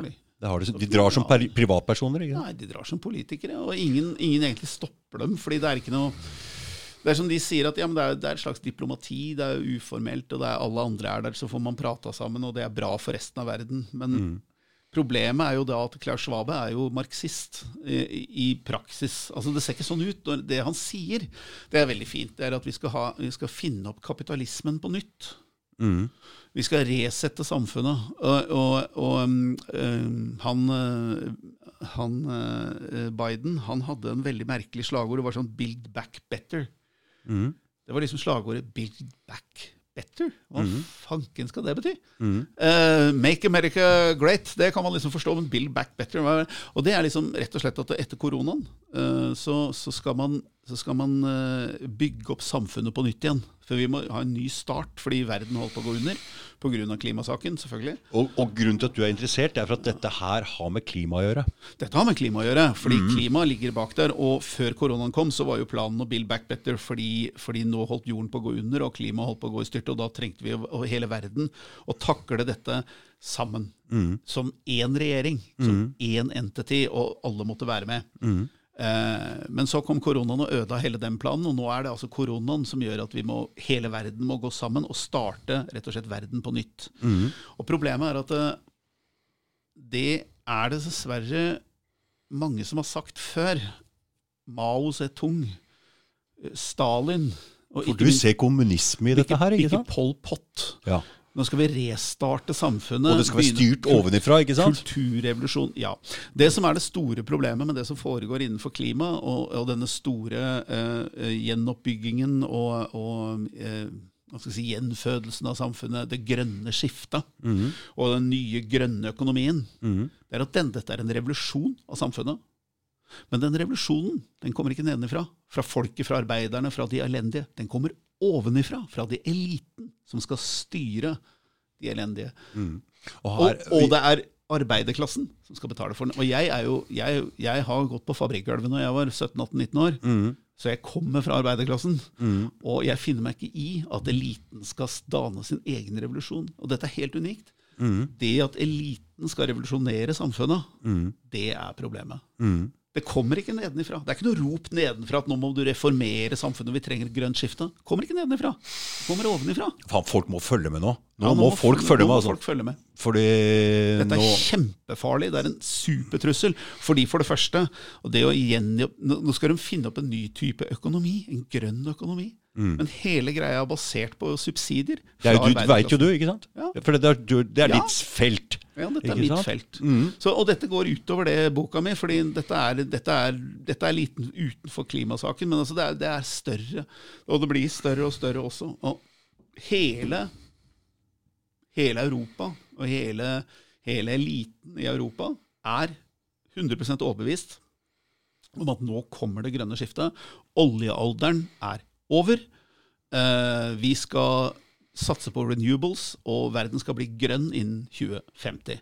I Norge skal man slutte å selge fossilbiler i 2025. Da får du ikke lenger Fem, solgt fem år til? fire år til. Fire år til? Ja, Da får du ikke lenger kjøpt diesel- og bensinbiler i Norge. Det er planen, fordi nå er oljealderen over. Problemet er at dette er ikke sant. Det er rett og slett ikke sant. Nei. Kina bygger kullkraftverk som gærninger. Er det derfor Og- de hater Trump, eller er det derfor de hater Og, Trump? og bruken Ja, det er, det er derfor de hater Trump. Fordi Trump sier at dette er det rene skjære galskap. Dere er, dere er sinnssyke. For dette er ikke sant. Kina bygger, altså Kina var med i, var med i Parisavtalen, som ble undertegnet i 2015. Og da var det 193 land som var undertegna noe sånt nå. Problemet var at Kina undertegna ja, nå skal, vi, nå skal vi starte det grønne skiftet i 2030. De venter til 2030. ikke sant? Ja, de trenger ikke gjøre det, for de er et u-land. Og de kan også dytte den lenger framover. Ja, det kommer de helt sikkert. Nå sier kineserne ikke sant, at når Ki- sier, altså Kina er en mafiastat for praksis. altså Det er et diktatur styrt av en rett og slett en mafia. Eh, og de kan jo si hva som helst. Du kan jo ikke stole på noe av det de sier. Nei, de kan, men det kan man ikke på noen politikere. Men det, som, det de faktisk gjør, det er å bygge kullkraftverk så fort de er. Altså de, altså, og I hele verden så er det planlagt 2000 kullkraftverk. Fordi kullkraft er billig. Og du kan ikke lage dyre løsninger for fattigfolk i verden. Da sulter folk i hjel. Så enkelt er det. Og det skjønner selvfølgelig kinesiske Altså, Kineserne er ikke dumme. Du kan si hva du vil, De er diktatorer, dette styret. Og de er et ettpartistat, men de er ikke dumminger som sitter der. altså. Nei. Og de skjønner at hvis vi lager et system hvor plutselig eh, energi blir dyrt, da blir mat dyrt fordi du må transportere Ja, Mat er lagd av diesel. Da blir mat dyrt. Da begynner folk å sulte. Da får vi opprør i samfunnet, og det kommer ikke, det kommer ikke så folk til å finne seg i. Nei. Det viktigste for de kinesiske myndighetene det er å holde folk eh, glade. Fornøyd. Du- og det er veldig mye fattigfolk i, i Kina som, som, som, som fortsatt lever på kanten av eksistensminimum. Og det er klart at det, og det å frata dem billig energi Det kan du bare glemme. Fordi billig energi er det samme som billig mat. Og får du ikke billig mat Når mat blir dyrt, sulter unga dine, og da liker du ikke myndighetene lenger. Sånn er det. Men de er vel kanskje på vei til å innføre noe, de òg? For nå begynner de med total overvåkning i Kina. Ja. Ansiktsgjenkjenning og henger ut folk som går på lyd, med poengsystemer og Oh my god. Og vi, vi er på vei, så- på vei mot det samme. i- Ja, fordi, fordi det jeg så, var at eh, når vi så Kinas reaksjon på koronaviruset, Mm. så tenkte jeg hva faen, de er kling? Men nå er jo Australia er jo altså Det er jo enda verre! ja. Hæ? Ja, altså, overvåkning blir sterkere og sterkere. altså, overvåkning, herregud da, men. Si strikking fire ganger Si strikking fire ganger inn i en Ja, telefon! Så får du, Oh nå får du strikkeoppskrifter, og du får strikketilbud, og nå får du strik... Altså, det Ja, er det er, jeg veit det! Du, du prater om ting med telefonen, så kommer reklamene! Da kommer reklamene. Du, jeg hadde en sånn derre Ikke Alexia, men den ene greia. Og jeg måtte bare skru den av. For hvis du sier ha- det, du skal gå tur med bikkja. God tur! Da tenkte jeg nei, nå, nå, nå holder det. Og du må huske på, du må huske på det at det er, det, det, det er Det er sånn i Kina at uh, Jeg vet ikke om folk har opplevd jeg husker, eh, altså Hvis folk har opplevd da, når, når, når wifi-nettet går Mm. Hva gjør vi nå? Hva, hva, Hva gjør vi nå? ja. Ikke sant? Mm. Men wifi-nettet det kan jo bestemme hva du får se. Mm. Og i Kina så bestemmer altså myndighetene hva du får se. ja vel. Så enkelt er det. Altså det. Og det kan jo myndighetene når som helst gjøre. Det er det som er i ferd med å skje med er Facebook. det- ja. det er det som er i ferd med å skje med YouTube. Twitter, YouTube, YouTube. Eh, Total sensurering. altså De har sletta mange hundre tusen videoer fra YouTube nå. Du, Da må vi over på en annen ting her. For hva er medias rolle oppi det her? Fordi de har tatt seg en veldig rar rolle nå. De er bare med på backup. Eh, Ja, Altså, jeg, backup? Jeg, altså jeg er jo journalist for, for document.no. Jeg jobber i dokumentredaksjonen eh, også. Mhm. Eh, Men dere er jo en par, eller? Mange, mange, mange, mange, hatter, mange hatter. Eh, nei, vi er altså ja og nei. For, for noen, eller? Eh, vi er jo, altså Document.no er jo Norges største online-avis. eller, Ja. eh, Det så å si, i hvert fall frie online-avis. Vi har har 700 000 lesere i mannen. Å ja. Ja, ja, det er ikke noe sponter. Altså, dette Mm. Nei. er ikke noe blogg. altså. Nei, nei. Vi er medlem av, eh, av Redaktørforeningen Mm. og følger selvfølgelig alle reglene da som det innebærer. Så. Mm. Og, og, og har jo god kontakt med Redaktørforeningen. Og vi, har, vi, altså, vi merker nå at Mm. uh, media rundt oss uh, og andre journalister begynner å få en viss respekt for det vi gjør. Ja. Fordi hvordan har dette vokst? Når starta Dokument? Og Du, Det starta rett og slett som en blogg. Eh, altså Hans Rustad han er jo en veldig, han er jo redaktøren. Han er jo fyller jo 70 nå. Eh, og han, han har jo vært en sånn institusjon i norsk media hvor han går rundt i denne frakken og hatten sin og kommer feil og han har buldrende stemme. og Han var jo, han var jo jobba i Klassekampen. Ja. Eh, var jo marxist. Ja. eh, av medlem av KPML, så vidt jeg husker. Og dypt dypt over på den røde siden. Så han kjenner den røde siden, men har, har etter hvert gjort en klassereise. Han så jo hva som skjedde under, under opprøret i 68, hva som skjedde med AKP-ML, hva, hvordan de holdt på, hva de drev med. Han så Sovjetunionen, han så kommunisme til slutt hva det var, og sa at vet du hva, nå har vi prøvd kommunismen i 100 land i 100 år, og det har gått like gærent 100 ganger. Og, og, så han har rett og slett forkasta det, fordi han sier at vet du hva, ok, det er fin idé, funker ikke.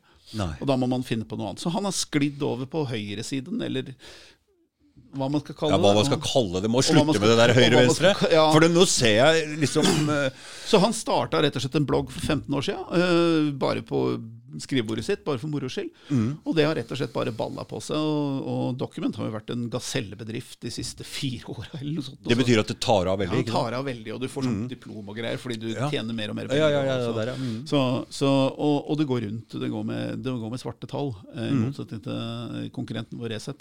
Eh, Å, ja. så, så um, vi går med overskudd og, og gjør det egentlig veldig veldig bra, og er en veldig seriøs avis. Er Dokument større enn Resett? Ja, betydelig større. Betydelig større? Ja, ja. ja da, de er mye større.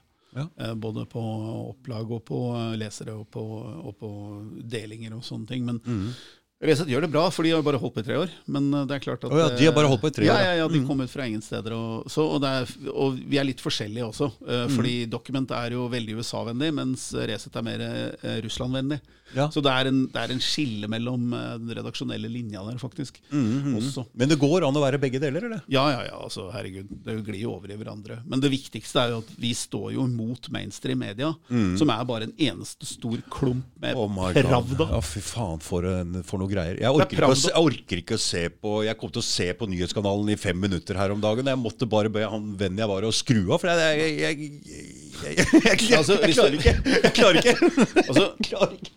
altså, men, men, men det, er- det er litt sånn trist, fordi eh, eh, så de gamle mediehusene sånn som Aftenposten, VG, Dagbladet, TV 2 og NRK, de, de var jo institusjoner som hadde sine forskjellige redaksjonelle linjer, eh, og ble styrt av redaktører. Eh, men nå har alle sammen, alle sammen har jo samme eiere, alle har samme meninger, alle har ligget med hverandre, alle har barn med hverandre, alle er i slekt med hverandre. Det er en eneste stor suppe, så alle, alle mener det samme.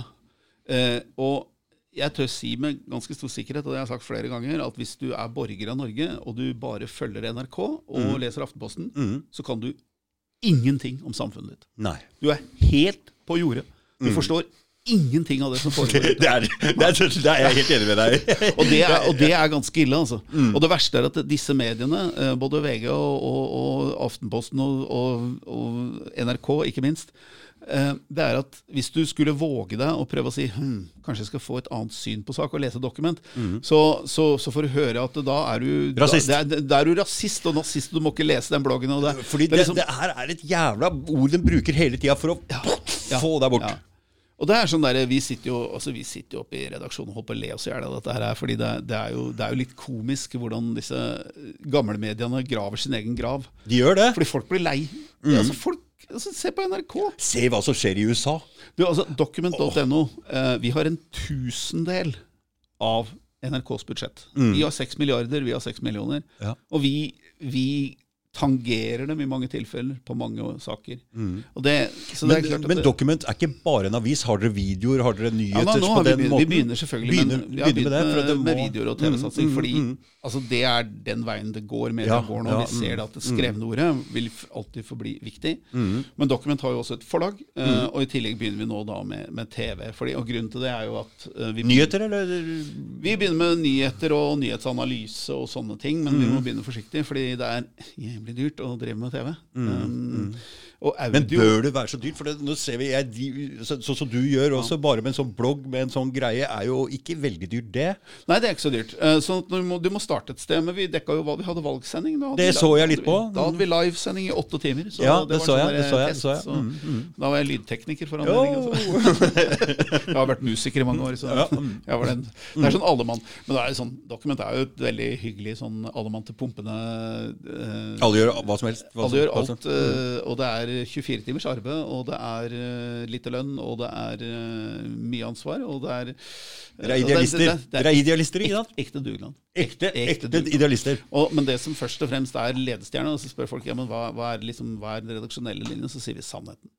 Sannheten, sannheten uansett hvem det rammer. Og, vet du hva? Det er det jeg har tenkt å drive med den podcasten her òg. Sannheten! Nå får sannheten sannheten. fram. Sannheten.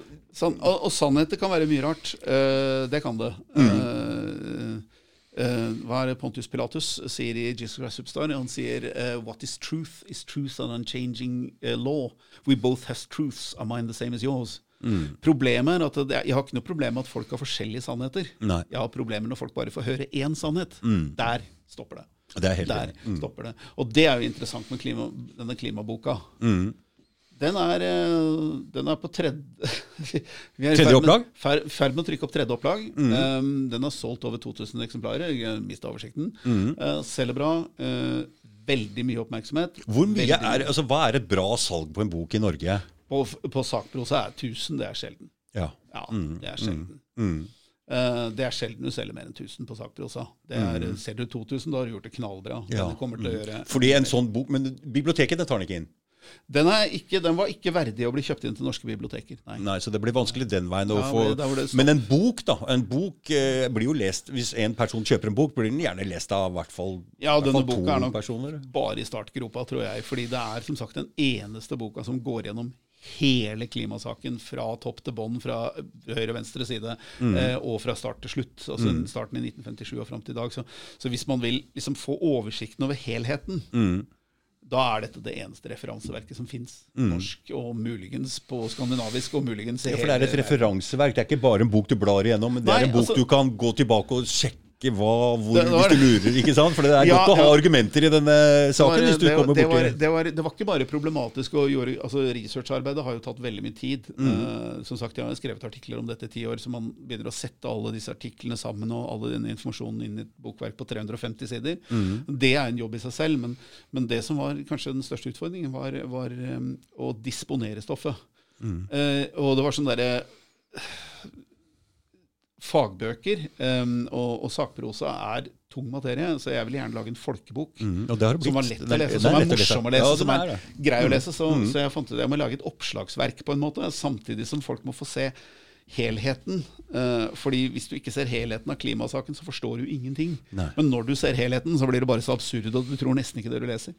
Så, så den boka starter liksom med 13 enkle fakta eh, som hver for seg kunne stoppe klimasaken, og til sammen er det helt ødeleggende. Så er det innledning, og så tar vi alle disse, disse klimatiltakene. Vindmøller, hydrogensamfunnet, eh, det, er, det er biologi, det er bioenergi.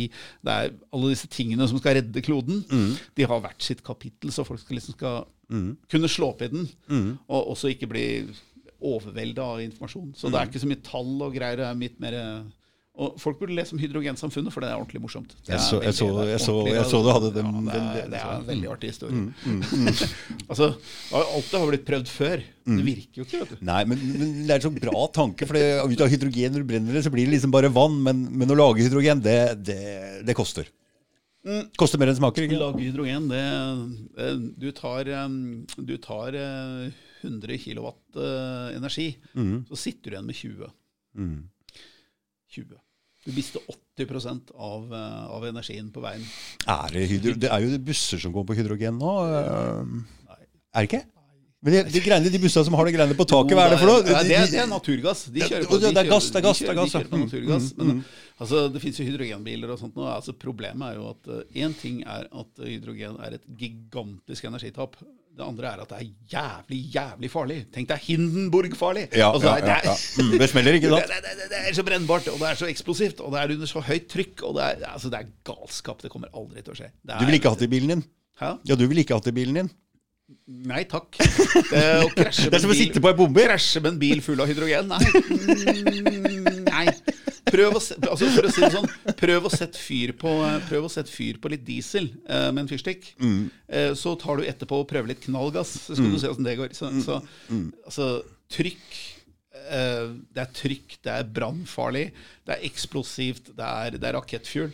Um, og da I tillegg så har jo da hydrogen den kjedelige effekten at det, det gjør, kan gjøre stål sprøtt. Sånn at du må bruke spesialmaterialer for å holde dette voldsomme trykket inne. Og er, altså Kostnadene for å bygge opp et hydrogensamfunn ja, det, er, det er mer enn oljefondet ganger fem. Det er jeg sikker på. Altså. Du, nå har jeg tenkt å spørre deg, for jeg har jo vært litt sånn konspi um, eh, før, og jeg er det litt ennå. Og der er en del som mener at det er masse energi som lager gratis, billig energi, motorer, sånne ting som blir, eh, som, som blir kjøpt opp og hemmeliggjort. Eh, det er noe som blir kalt for brown gas. Det er HO. Som kan være en form for drivstoff som jeg har sett noen lagde en, en vanlig forbrenningsmotor som kunne gå på det med en flaske med vann. Eh, du som er litt bilmekaniker, og kan du noe, tror, du at, eh, tror du på det der? Nei. Jeg gjør ikke det. Det er tull, ja. Nei, fordi, fordi eh, å lage sånne ting det krever rett og slett mye energi, og det er mye lettere å bruke energien. Altså For å lage hydrogen så må du bruke strøm. Og du sitter da igjen med 20% av, av strømmen, eh, av energien, men hvis du putter strømmen inn i batteri, så sitter du igjen med 70% sånn at batterier fungerer. Eh, det gjør jo det. Altså, et Tesla-batteri veier 500 kilo som du slipper rundt på, og du kommer ikke langt med det. Men, men bevares, det virker. Det gjør det.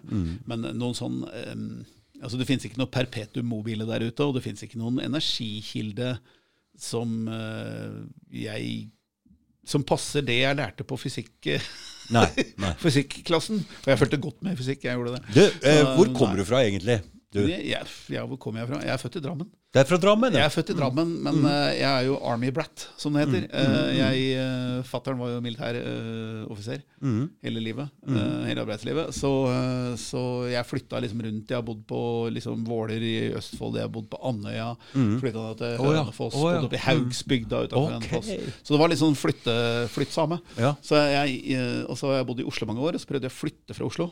Mm. Eh, Jeg flytta til Oslo i 82. Mm. 83, eh, og så prøvde jeg å flytte fra Oslo på 90-tallet. Det gikk ikke. Det gikk ikke? Nei, gikk ikke. Ok. Nei. Nei, dette er byen min. Ja. Dette er min by. Dette er min by. ja. Og det er bra du kom tilbake igjen, for at vi trenger det her. Vi trenger det Nei, jeg klarte ikke. Jeg, jeg, rett og slett bare, nei, det, det, det, jeg flytta til Skien og fikk jobb nede i, fikk jobb nede i, nede i Porsgrunn og flytta dit og, og tenkte at yes, ny frisk og nye damer og nye muligheter og nye tralala. Eh, og siden jeg har bodd over hele Norge, så trives jeg overalt. Og, og, og, men nei. Nei. Det funka ikke. Eh, Jeg jobba der et år, og så fant jeg ut at nei, jeg må tilbake til Oslo. Jeg savna Oslo så intenst, fordi jeg er Oslo-mann.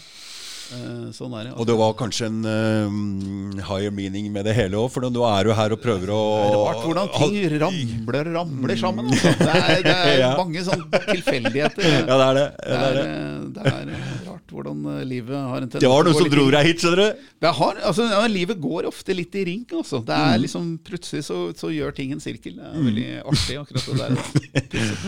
Så, så jeg eh, er en Oslo-mann og, og, og kommer til å forbli det. Så, tror jeg. Er, eh, Veldig bra. Kjemp for saken her på Abelså, Kent. Jeg ser Ja, altså De prøver å jage meg fra byen, da, fordi det å ha barn i denne byen det blir, det blir håpløst. Det er jo så dyrt og, og vanskelig å bevege Men har du barn som er små nå? Ja da. Ja, ja. Oh, for du begynte på Du har fått deg ny Ja, altså jeg er, eh, jeg er firebarnsfar. Firebarnsfar. Å ja, å ja, ja. Hvor gammel er ungene dine? Ja, det kan være samme. Det er, Ok. jeg er ikke så offentlig akkurat på de tingene Nei, der, nei, sånn, nei, fordi nei. eh, Ja. det er mye gærninger der ute. Altså. Ja, det skjønner jeg. Fordi det du, du står og sier det du mener, og når du mener de tinga du mener, så får du en del fiender. Ja, du gjør det. Altså, folk, ja, nå har jeg jo skrevet mye om islam. altså Før jeg begynte å kaste meg over klimasaken for alvor, Mm. uh, og gjøre det på heltid, så skrev jeg veldig mye om islam. Og da får du en, da får en, øh, da får en viss, fiende, viss type fiender. Ja, du gjør det, men problemet er at det, det som er litt snålt med dette, det er jo at uh, jeg skrev jo uh, en kronikk som het 'Drøm fra Disneyland' i 2010, som ble en veldig, veldig sånn merkesak, og fortsatt er en Norges kanskje mest leste kronikk. Eh, og um, og det var jo rett og slett hvor jeg stilte spørsmål til Arbeiderpartiet at eh, hvis dere skal bytte ut kultur, den norske kulturen med flerkultur, hvor, hva skal dere oppnå med det? Og det, det, var jo, det var ikke måte på raseri der ute, og jeg var rasist og alt mulig rart. Så, mm. og, og den innvandringen man har og sånn, altså, Hva er målet? Hva skal det avstedkomme? Altså det Sverige har gjort, hva, hva er sluttproduktet? Hva skal, Når er det nok? Fordi Når- det hjelper jo ikke de Nei, altså- folka der nede med Nei, å altså- slippe inn noen hit. Nei, altså man bare, gjør, man bare gjør ting. og så- altså når, du, når du gjør ting og foretar ting, så må du stille spørsmålet hva er formålet? Mm. Når er det nok, og når har jeg oppnådd det jeg ville? Men du, med flerkultur du kan aldri oppnå noe. Det, det, det, blir, det skal bare være mer, mer, mer. mer, Mm. Og det er ikke noen måte å styre et samfunn på. Eh, men altså, så har jeg vært veldig kritisk til islam. Jeg er ateist. Mm. Så du kan jo tenke deg hva jeg syns om religioner. Um, Men det er klart jeg ser jo forskjell på kristendommen og, og, og hvordan kristendommen ble til, og hvordan eh, islam ble til. Eh, stor forskjell.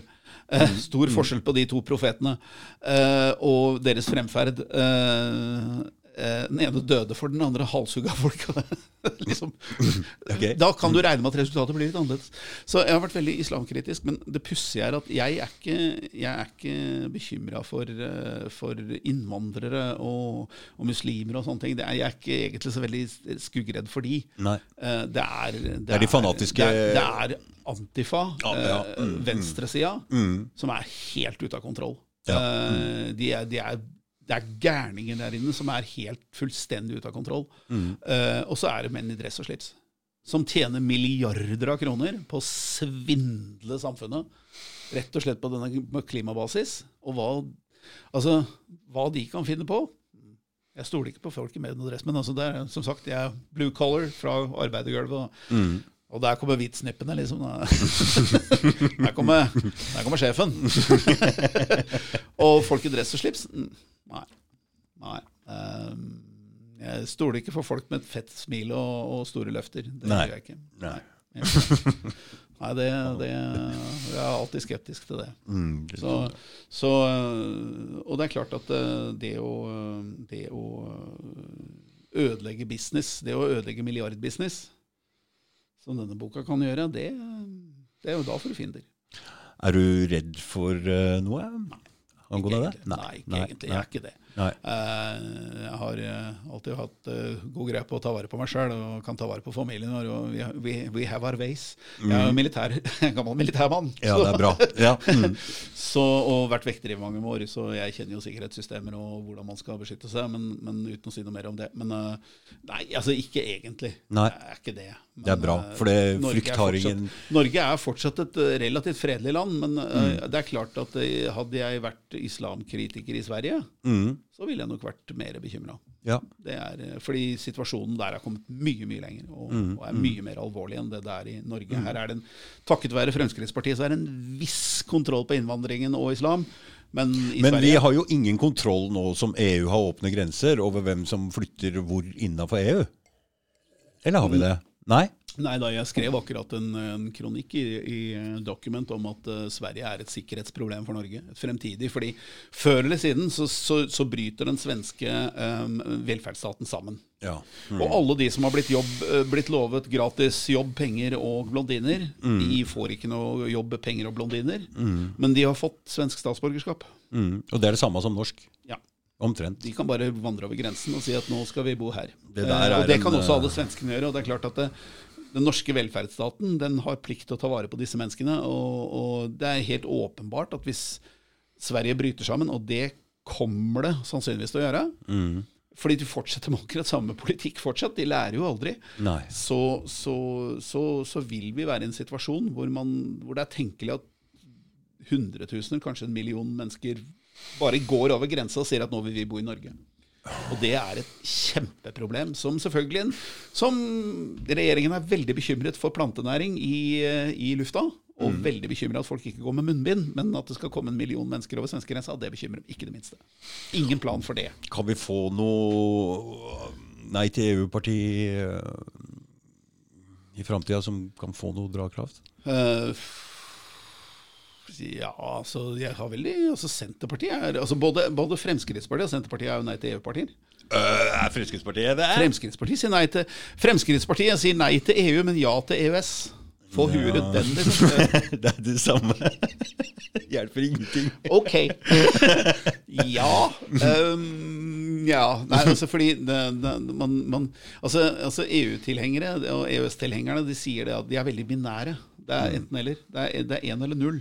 Det er sånn, Hvis vi ikke har en handelsavtale som heter EØS, så er det, da, da står vi uten noen ting. Og Det, er- det fins faktisk noe mellom der. EØS er en møkkadårlig drittavtale som gjør Norge til et lydrike og en koloni for EU. Og Ja. det er uverdig for Norge, og selvfølgelig burde vi si opp den avtalen. Og selvfølgelig hadde vi hatt makt til å gjøre det. Det er bare å vri rundt på gasskrana til Angela Merkel. Ja. Skru igjen og si skal vi få bedre handelsavtale. Nei. Ok, Skru igjen litt mer. Får vi bedre handelsavtale? Ikke det, da. Skrur vi igjen enda litt mer. Vi må få en mann som styrer dette landet! Vi kan ikke ha sånne Ja, man bruker ikke Altså Norge har enorm politisk makt Ja, gjennom, ja. gjennom sin, eh, sin energipolitikk Mm, og gjennom sine energiressurser. Altså enorme, enorm Oh brekkstang. vi har fått som styreleder av dette og, og disse, disse fjolsene som styrer Norge, de bruker ikke den makta vi har. Siste gode politikeren vi hadde, var No Fish Olsen. Oh Gode, gamle fiskeriministre sa sånn Nei, dere får ikke en fisk av oss! Bare glem det! sa de til Russland. Sånn skal det være. Mm. Altså, man, må jo, man kan ikke bare legge seg på rygg som ei klukkende høne i åkeren og bare si at nå kom og ta oss, liksom. Men det er jo det EU altså, Vi er et lydrike for EU. Det er, det et er- nytt parti og få en sterk industri, en eh, bedriftsleder til å ta over eh, som partileder. Altså. Ja, altså, for meg kunne Altså, jeg er, jeg er ganske sikker på at hadde vi plukka Hadde vi plukka 169 eh, mennesker tilfeldig fra gata Og så hadde det blitt bedre! mellom 40 og, og, og 70 år, og Ja. satt dem på Stortinget og sagt vet du, hva, nå styrer dere dette landet, så ville vi fått et mye, mye bedre resultat enn det vi har i dag. Det er jeg helt sikker på. Fy faen. Oh my God. Ja, nei, det tror jeg. Jeg tror det. Ja. Fordi det suppedasen som er, sitter inne på Løvebakken nå, det, det, nei, det, det der, der, det har ført oss inn i reine ulykka. Altså. Ja. Det er helt det er ikke, Det er reine ord for penga her, Kent. Ja, men altså, ærlig talt, altså, du skulle tro det var, du skulle tro det var niåringer som tok over Norge. Altså. Altså, de, de bruker penger som fulle Nei, fulle sjømenn er nøysomme i forhold. Ja. Men det bare renner ut penger! Og det skal alltid være mer skatter og avgifter. Så før hørte vi litt om politikerforakt, men det har gått over i rein politiker... Eh, Parodi. ja. Nei, jeg har ikke Nei. Sier at man skal ha kollegial, man skal ha kollegial tone overfor politikere. men Altså, ærlig talt, når man driver og bygger vindkraft på hver eneste fjelltopp for å redde, for å redde du, bygger, du ødelegger norsk natur og bygger vindmøller på hver eneste fjelltopp for å redde været i 2100. Ja, da er du ikke smart i huet, dessverre. altså. Da har det klikka. Sorry, men du har sparken. You're fired. Så vi trenger en Trump. Det er det vi trenger. Altså. Vi trenger Trump, ja. Når jeg blir statsminister, da blir det ordnings. Her skal det bli ordnings. Men den, den media dere, Det er faen for en bra jobb du gjør, Kent, med det dokument at dere prøver å være en motvekt til media. For media har så stor påvirkning på folk. Altså, men eh, den slipper. Den er på vei til å slippe taket. I USA så skjer det nå. Ja, Folk begynner å bli drittlei. Fordi folk, altså, folk lever i resultatet. Ja. Folk sier at vi har det så bra Hva er den vindmølla der? Så får jeg den regninga. Hva som foregår her? Altså, folk blir jo drittlei. Ja, altså, ja, folk er litt treige. Altså, nordmenn, er veldig treige, veldig. Mm, Nordmenn er Ola Dunk. ikke sant? Det går litt grann langsomt, og det, det tar litt tid. Mm. Særlig med trøndere. Ja, henspilling på teknikeren her. Og mens nord, altså, altså, altså, altså, nordlendinger de, banner oss, de har banna oss hvert dag i ti år. Eh, Det var litt Trøndelag- tøffere, eller? Trøndelag går litt tregere. Eh, og Oslofolk de er jo bare opptatt av å ta fly til nærmeste Hva? Også sørlendinger er enda mildere igjen. Ja, så det går liksom ja, nedover Ja, de tar det med det tar det. Ja. De tar det med det gode.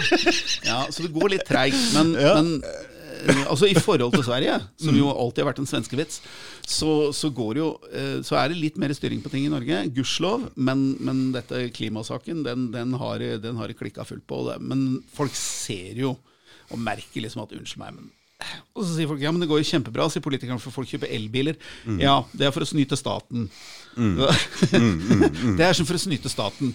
Så, så derfor kjøper folk elbiler. Og, og utover det eh, så begynner folk å bli ganske lei, tror jeg. Altså, det, og det merker vi også Document. Altså, vi får jo nye lesere hele tiden, og vi får jo tilbakemeldinger. Og på denne boka her sånn, ja, det er jo så mange søte mennesker der ute. Herregud. Ja, får sender bra, ja. Meldinger, og det er jo koselig. Åh, endelig det så får Kent litt ros, det så ikke bare Nei, jeg får ikke bare kjeft. Altså. Ja, det er bra, det er bra. Det blir litt uvant. Det, litt uvant. Det blir litt uvant, ja, for Det du er vant til å få Jeg vant til å få kjeft. Ja, og sinna folk. Mye sinna folk. i- Ja, det er rart med det. Er, eh, det er, det er derfor jeg har musikken. Det er litt musiker på si. Hva er det du kan- spiller? Du, jeg spiller gitar og bass og synger. Og, Og ja. synger òg! Jeg synger også. Åh, neste gang må jeg ha med gitar og ta en trall. Ja, ja. ja da, så jeg har stått mye på scenen. Jeg, oh, ja, oh, ja. jeg ble shanghaia til et, eh, mitt første band da jeg var 16 år. Oh, ja. Så og siden det har jeg stort sett Hva slags musikk er det? Ja, alt mulig rart, egentlig. Jeg har uh, spilt uh, Jeg har gått hele runden fra liksom danseband til rockeband til punkeband til bluesband til, til partyband til Altså ja, Det har sikkert vært en 20-30 band. Og du vet, Før i tida så var det sånn at uh, de kunne nesten spørre hva slags musikk liker du? Ja. Og da var det ok, du er sånn, ja. Ja. Men du har vært altså du, Siden du er Nei, jeg, jeg, er veldig, jeg er veldig glad i musikk, og, men jeg, jeg, prøver å ikke liksom stå fast og si at 80-tallet var best eller 70-tallet var best. Jeg hører på 60, 70, 80, 90, 2000, 2000. Jeg er helt enig, Jeg sliter litt når eh, 18-åringen min sitter i bilen og, og skal høre på gangsterrap. Den har jeg blitt drittlei av. Altså, er jeg, Jeg, jeg, jeg prøver. Jeg jeg har hørt litt på gangsterrap, men det tok altså det, det, det jeg har hørt på i det siste, er sånn Ghana-musikk. Ja. Det er veldig altså det er, Den rappen er Det er for barn. Ja, man barnslig! Å, fy faen! Jeg tror ikke de ser det sånn, for det er veldig Oi, oi, oi! oi, oi. Altså, Tøff å prate dritt. musikk er, musikk, musikk er et sånn personlig valg, og, og jeg pleier å være nysgjerrig på musikk og liker musikk. Og, Mm. og liker å høre på mye rart, til og med klassisk. Eh, Jeg har jo vokst opp i en familie som er veldig opptatt av klassisk. Mm. Av en eller annen grunn. Eh, Så um, jeg har liksom vært gjennom alt. Men um, eh, altså Det morsomste er å få folk til å danse. Det er jo å stå på scenen og liksom spille, så du ser folk rocker og danser og kaster dama utover gulvet, og det er, kaster opp i et hjørne, og det er folk rocker og Det er veldig det er gøy, altså. Ja. Så det er, det er når liksom partybandet setter i gang med 'Highway to Hell' og sånt. noe, da, da, det er veldig pussig. Altså. Da, da kommer alle. Ja. Da, da kommer alle fra 14 til 84. Ja. AC/DC Ja. Rock on! så, det er, så det er eh, sånn er det. Ja. Er vi ferdigprata, Kent? Jeg tror folk er lei av å høre på. Ja, for å si det sånn. Jævla hyggelig at du kunne Ja, komme, Kent. Takk! Ja, veldig hyggelig å komme. Koronahilsen. Ha det bra der ute.